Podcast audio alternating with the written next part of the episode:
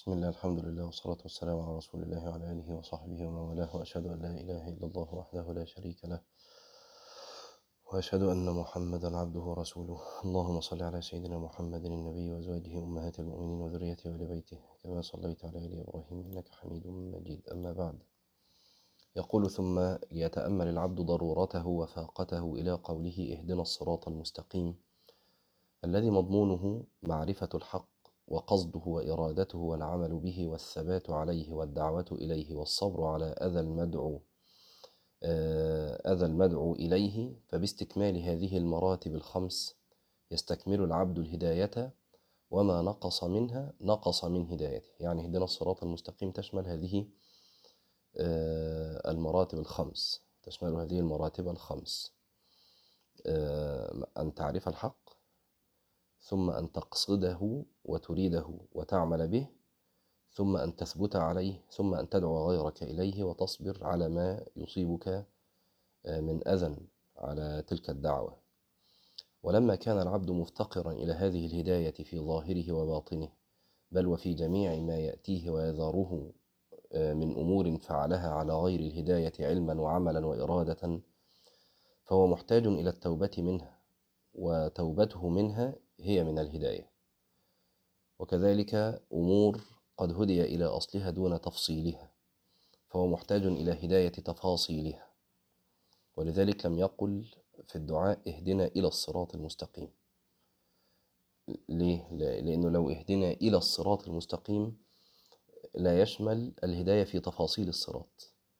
إنما اهدنا الصراط المستقيم يعني اهدنا إليه واهدنا ونحن فيه وعليه. فيشمل الهداية إليه ويشمل الهداية فيه. وكذلك أمور قد هدي إليها من وجه دون وجه فهو محتاج إلى تمام الهداية في كمالها على الهدى المستقيم وأن يزداد هدى إلى هداه وأمور هو محتاج فيها إلى أن يحصل له من الهداية في مستقبلها مثل ما حصل له في ماضيها وأمور هو خال عن اعتقاد فيها. فهو محتاج إلى الهداية فيها اعتقادا صحيحا وأمور يعتقد فيها خلاف ما هي عليه فهو محتاج إلى هداية تنسخ من قلبه ذلك الاعتقاد الباطل وتثبت فيه ضده. يعني أظن الكلام واضح. وأمور من اله... وأمور من الهداية هو قادر عليها ولكن لم يخلق آه... عاوز بس أشوف الأول ضبط أمور دي لأن إيه؟ إحنا بنقرأ.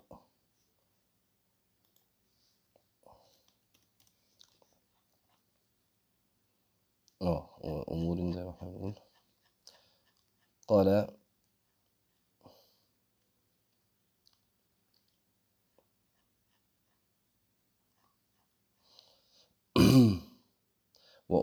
قال وأمور من الهداية هو قادر عليها.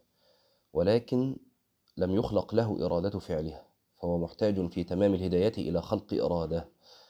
لأن يا جماعة أنت ممكن تبقى عارف إن الحق كذا لكن مفيش إرادة إنك تفعل هذا الحق. وده بيحصل لنا مش كده؟ يعني يعني هو أنت مش عارف إن قيام الليل فيه من الثواب كذا وكذا؟ عارف. وقيام الليل فعله من تمام الهداية. طيب أقل القليل من يقوم الليل وأقل هذا القليل من يثبت على قيام الليل. طيب ليه؟ ما أنت عارف. مفهوم يا جماعة؟ وعشان كده في الدعاء اللهم أرنا الحق حقا وإيه؟ وارزقنا اتباعه. وارزقنا اتباعه. لأن ما يكفيش إنك تعرف إن الحق حق حتى ترزق اتباع هذا الحق. والثبات على هذا الحق. ثم دع يعني مرحلة بعد كده اللي هي أن تدعو إلى هذا الحق. فإذا أصابك أذى من أجل تلك الدعوة صبرت. ودي الأمور التي ذكرها ابن القيم. خلاص؟ قال وأمور من الهداية هو قادر عليها ولكن لم يخلق له إرادة فعلها. فهو محتاج في تمام الهداية إلى خلق إرادة. وأمور منها هو غير قادر على فعلها مع كونه مريدا له فهو محتاج في هدايته إلى إقدار عليها. يعني العكس بقى إن واحد طبعا قيام الليل أنت قادر عليه يعني تقدر تقوم وت... يعني قادر مفيش حاجة تعطلك. لكن هي الإرادة لم تخلق لك إرادة. طيب ممكن العكس إن أنت تكون خلاص عرفت الحق وم... و... و... وتكون مريدا لهذا الحق لكن لا قدرة لك على فعل هذا الحق. يعني إيه لا قدرة لك؟ يعني مثلا واحد عارف العمرة وثواب العمرة ومريد للعمرة وهيموت ويطلع عمرة لكن ما عندوش القدرة إنه يطلع عمرة فاهمين دي يا جماعة؟ أو عاوز يقوم الليل وعارف فضل ثواب قيام الليل ومثلا مريد لقيام الليل لكن عنده مرض يمنعه من قيام الليل مثلا أو عمله بالليل فهو طول الليل بيشتغل مثلا. عنده إيه؟ يعني عنده حاجة تمنعه عائق يعوق مع وجود الإرادة. وأمور منها وغير قادر على فعلها مع كونه مريدا لها فهو محتاج في هدايته إلى إقدار عليها. وأمور منها هو غير قادر عليها ولا مريد لها هو غير قادر عليها ولا مريد لها فهو محتاج إلى خلق القدرة عليها والإرادة لها لتتم له الهداية. وأمور هو قائم بها على وجه الهداية اعتقادا وإرادة وعلما وعملا فهو محتاج إلى الثبات عليها واستدامتها. فكانت حاجته إلى سؤال الهداية أعظم الحاجات وفاقته إليها أشد الفاقات. عرفت بقى ليه؟ الفاتحة سر تكرار الفاتحة في اليوم والليلة 17 مرة على الوجوب. وما لا يحصى على الندب. أنت بتصلي 17 ركعة وجوبا في اليوم والليلة. اتنين فجر أربعة ظهر أربعة عصر تلاتة مغرب وأربعة عشاء. 17 ركعة. على الوجوب 17 مرة. يا بتقرأ فاتحة هي بتؤمن عليها والتأمين على على الدعاء كالدعاء. ماشي؟ آه آه ليه؟ لأن هذا الدعاء هو أعظم دعاء يمكن أن تدعو به ربك سبحانه وتعالى اهدنا الصراط المستقيم. ليه؟ علشان بقى الحاجات اللي ذكرها ابن القيم هنا. يبقى يا جماعة سر هذا أنك وأنت تقول اهدنا الصراط المستقيم أنت مستحضر لكل هذه المعاني. يعني يا رب اهدني إلى الصراط المستقيم ويا رب اهدني على الصراط المستقيم أو في الصراط المستقيم. يا رب اهدني إلى تفاصيل الحق. يا رب لو أنا في حاجة ما أعرفهاش من الحق اهدني يعني علمني وهذا الحق. ولو في حاجة يا رب أنا أعرفها غلط أعتقدها غير الاعتقاد الصحيح. فيا رب أزل هذا الاعتقاد الباطل من قلبي وارزقني الاعتقاد الإيه؟ الحق. ويا رب لو أنا عارف الحق فاخلق لي إرادة لأريد بها هذا الحق بها هذا الحق. ويا رب لو أنا عندي الإرادة وعندي العلم ولا قدرة عندي على فعل هذا الحق فيا رب اخلق لي القدرة على الفعل وهكذا. كل ده موجود في هدانا الصراط المستقيم. قال ولهذا فرض عليه الرب الرحيم هذا السؤال على العبيد كل يوم وليلة في أفضل أحواله وهي الصلوات الخمس مرات متعددة لشدة ضرورته وفاقته إلى هذا المطلوب. ثم بين أن سبيل أهل هذه الهداية مغاير لسبيل أهل الغضب وأهل الضلال وهم اليهود والنصارى وغير وغيرهم. فانقسم الخلق إذن إلى ثلاثة أقسام بالنسبة إلى هذه الهداية. منعم عليه بحصولها له واستمرارها وحظه من ال واستمرارها و مش عارف بقى وحظه من المنعم عليهم بحسب حظه من تفاصيلها وأقسامها. نعم. وحظه من المنعم عليهم بحسب حظه من تفاصيلها وأقسامها. وضال لم يعط هذه الهداية ولم يوفق لها ومغضوب عليه عرفها ولم يوفق للعمل بموجب بموجبها.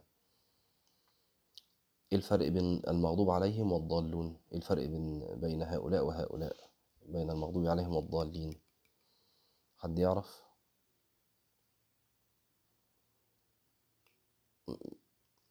المغضوب عليه مين والضال مين قالوا أست... اسف لكم دقيقة كده. يعني غير إن دول يهود ودول نصارى أنا بتكلم في أصل الكلمة. قالوا يعني ليه اليهود اتسمى مغضوب عليهم وليه النصارى اتسموا ضالون يعني؟ ليه؟ تمام. قالوا إن الإيه؟ الضالون من لم يعرفوا الحق. والمغضوب عليهم الذين عرفوا الحق ولم يتبعوه. خلاص؟ وعشان كده يا جماعة قلنا لازم يحصل الاتنين أن تعرف الحق وأن ترزق اتباع الحق. أن تعرف الحق وأن ترزق مش كفاية تعرف الحق لا لازم ت... اللهم أرنا الحق حقا وارزقنا اتباعه. فأنت محتاج إلى الهدايتين. خلاص؟ طيب اللي هم بي... حد اسم الهدايتين دول هم بيسموهم هداية إيه وهداية إيه بقى؟ حد يعرف اسم الهدايتين اللي أنا بقولهم دول؟ أن أن تعرف الحق وأن ترزق اتباعه. ها. هداية الإرشاد ده نوع من الهدايتين من أنواع اله- الهدايات. والهداية التانية؟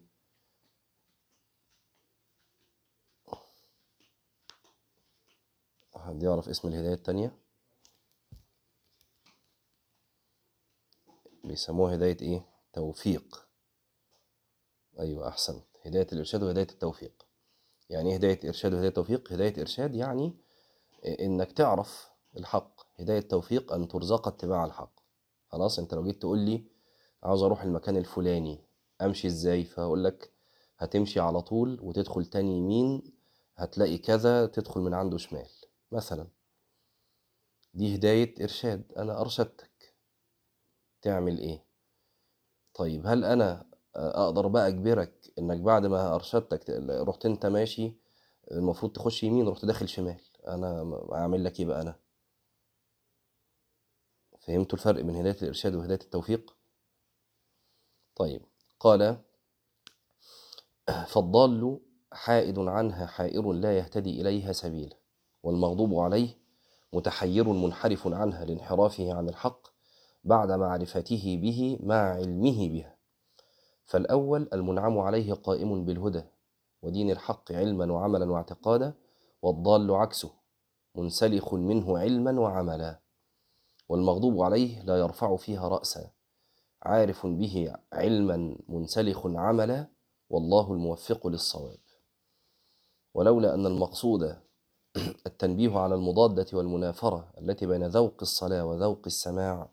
لبسطنا هذا الموضع بسطا شافيا ولكن لكل مقام مقال فلنرجع إلى المقصود.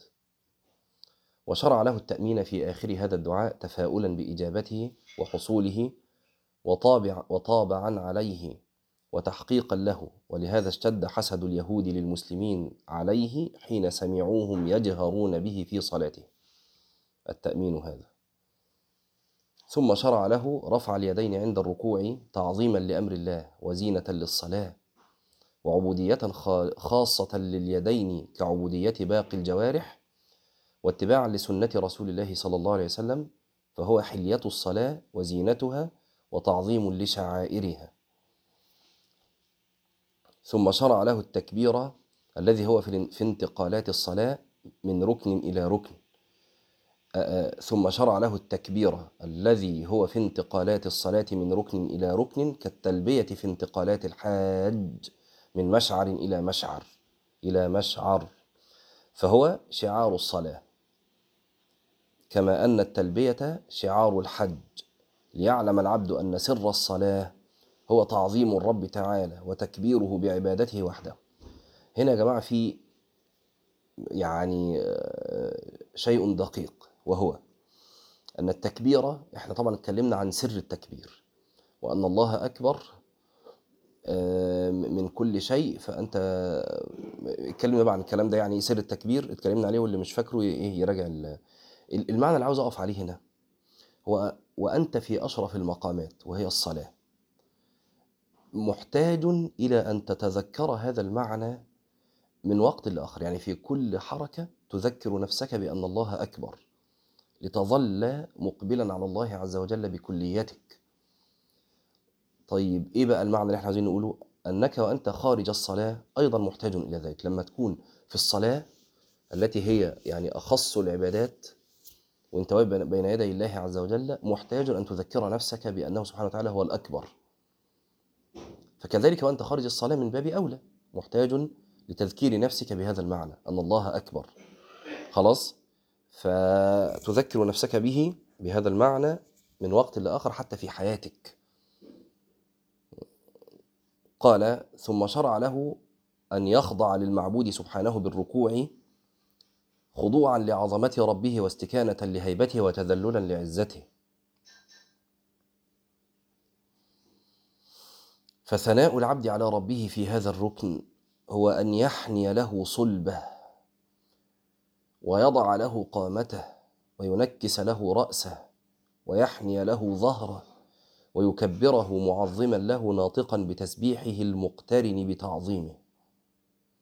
فاجتمع له خضوع القلب وخضوع الجوارح وخضوع القول على أتم الأحوال. ويجتمع له في هذا الركن من الخضوع والتواضع والتعظيم والذكر ما يفرق به بين الخضوع لربه والخضوع للعبيد بعضهم لبعض. فإن الخضوع وصف العبد والعظمة وصف الرب.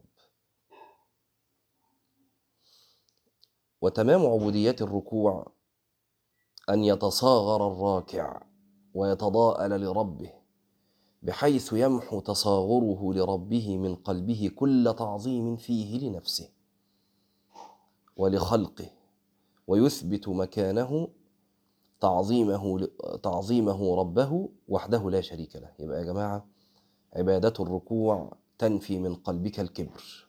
وكذلك عبادة السجود طبعا. لكن خلينا في الركوع دلوقتي. عبادة الركوع تنفي من نفسك ومن قلبك الكبر والعجب ورؤية النفس. وها أنت يا من حصلت من الدنيا كذا وكذا وعندك كذا وكذا من الأموال وتر... وتربعت على عرش كذا وكذا من الوظائف وربما نلت كذا وكذا من الرئاسات والوزارات وكذا ها أنت راكع. قد حنيت صلبك لله عز وجل طواعية. فانتفى من قلبك تعظيم نفسك لنفسك. وكذلك وأنت تركع فتقول الله أكبر قد انتفى من قلبك تعظيم نفسك لكل أحد غير ربك. سبحانه وتعالى. قال وكلما استولى على قلبه تعظيم الرب وقوي خرج منه تعظيم الخلق وازداد تصاغره هو عند نفسه. فالركوع للقلب بالذات والقصد والجوارح بالتبع والتكملة. عشان كده يا جماعة دايما بنقول القلب هو المقصود وأنت تركع قلبك يركع. مش ظهرك يركع لا قلبك يركع. قال ثم ثم شرع له أن يحمد ربه. ويثني عليه بآلائه عند اعتداله وانتصابه ورجوعه إلى أحسن هيئاته. منتصب القامة معتدلها. فيحمد ربه ويثني عليه بآلائه عند اعتداله وانتصابه ورجوعه إلى أحسن تقويم. بأن وفقه وهداه لهذا الخضوع الذي قد حرمه غيره. خلاص يبقى سمع الله لمن حمده. ربنا لك الحمد. إلى آخر الدعاء. الحمد هنا على إيه؟ على أن وفقت أن تركع لله عز وجل وأن تخضع بين يديه وأن تذل له. وغيرك محروم من هذا. فكم من محروم مخذول. الكرة الأرضية عليها كم مليار؟ كم مليار منهم مسلم بداية. وكم من الكم مليار المسلم دول وفقوا لأن يكونوا من أهل السنة ما هماش من الفرق الضالة المبتدعة. وكم من اللي هم من أهل السنة من المستقيمين على دين الله عز وجل. وكم من المستقيمين على دين الله عز وجل من الملتزمين لذلك. يعني ما هو ما يستقيمش شوية ويقع شوية. لا ده ملتزم وثابت على هذه الاستقامة. عرفت إذن نعمة ربك عليك. خلاص أن اجتباك من من كل هؤلاء لأن تكون من هذه الثلة المستقيمة. فالحمد لله رب العالمين. فالركوع يا جماعة نعمة عظيمة والخضوع بين يدي الله نعمة عظيمة. تستحق الحمد ولذلك كان مناسبا أن تقول سمع الله لمن حمده ربنا لك الحمد. قال ثم نقله منه إلى مقام الاعتدال والاستواء. وطبعا طبعا ذكر الركوع نفسه بقى فيه أيضا تلك الأسرار التي تناسب الحال. سبحان ربي العظيم. فأنت لما ركعت كان هذا يعني رفعا منك لشعار الذل والخضوع والانكسار بين يدي الله عز وجل. فناسب أن تنزه الله عز وجل وأن تصفه بالعظمة في هذا الموطن. سبحان ربي العظيم.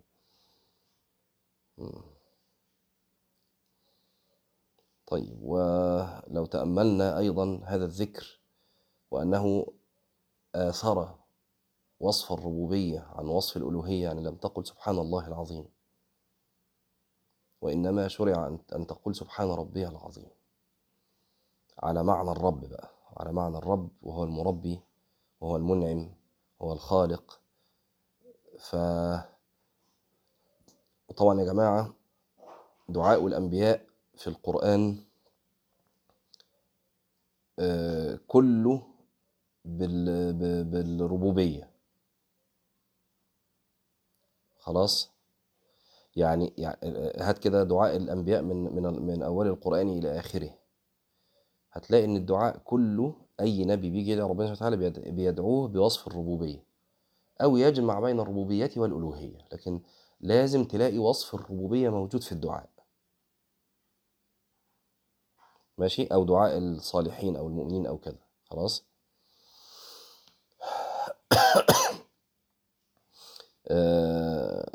قال ثم نقله منه إلى مقام الاعتدال والاستواء واقفا في خدمته بين يديه كما كان في حالة القراءة في ذلك. ولهذا شرع له من الحمد والمجد نظير ما شرع له من حال القراءة في ذلك. ولهذا الاعتدال ذوق خاص وحال يحصل للقلب ويخصه سوى ذوق الركوع وحاله. وهو ركن مقصود لذاته كركن الركوع والسجود سواء. ولهذا كان صلى الله عليه وسلم يطيل يطيله كما يطيل الركوع والسجود. ويكثر فيه من الثناء والحمد والتمجيد كما ذكرناه في هديه صلى الله عليه وسلم يعني في كتاب زاد المعاد في صلاته. وكان في قيام الليل يكثر فيه من قول لربي الحمد لربي الحمد ويكررها.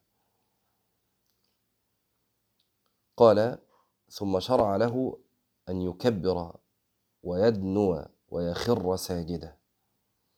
ويعطي في سو... طيب نقف هنا. آه عاوزين نبدأ السجود بقى. يبقى مرة لوحده كده إن شاء الله. آه طيب مفيش أسئلة. قولوا قولي هذا واستغفر الله العظيم لي ولكم. سبحانك اللهم وبحمدك. نشهد أن لا إله إلا أنت.